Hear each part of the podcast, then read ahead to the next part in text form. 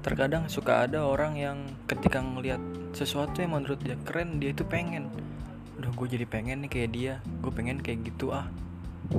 Padahal kalau seandainya dia mencoba untuk menjadi seorang itu belum tentu dia bakal keren juga.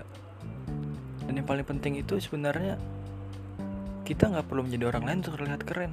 Kita hanya perlu menjadi diri sendiri dan menunjukkan bahwa diri kita itu hebat dan bisa keren seperti mereka. Kalau kita mau jadi seperti mereka, lalu siapa yang jadi kita?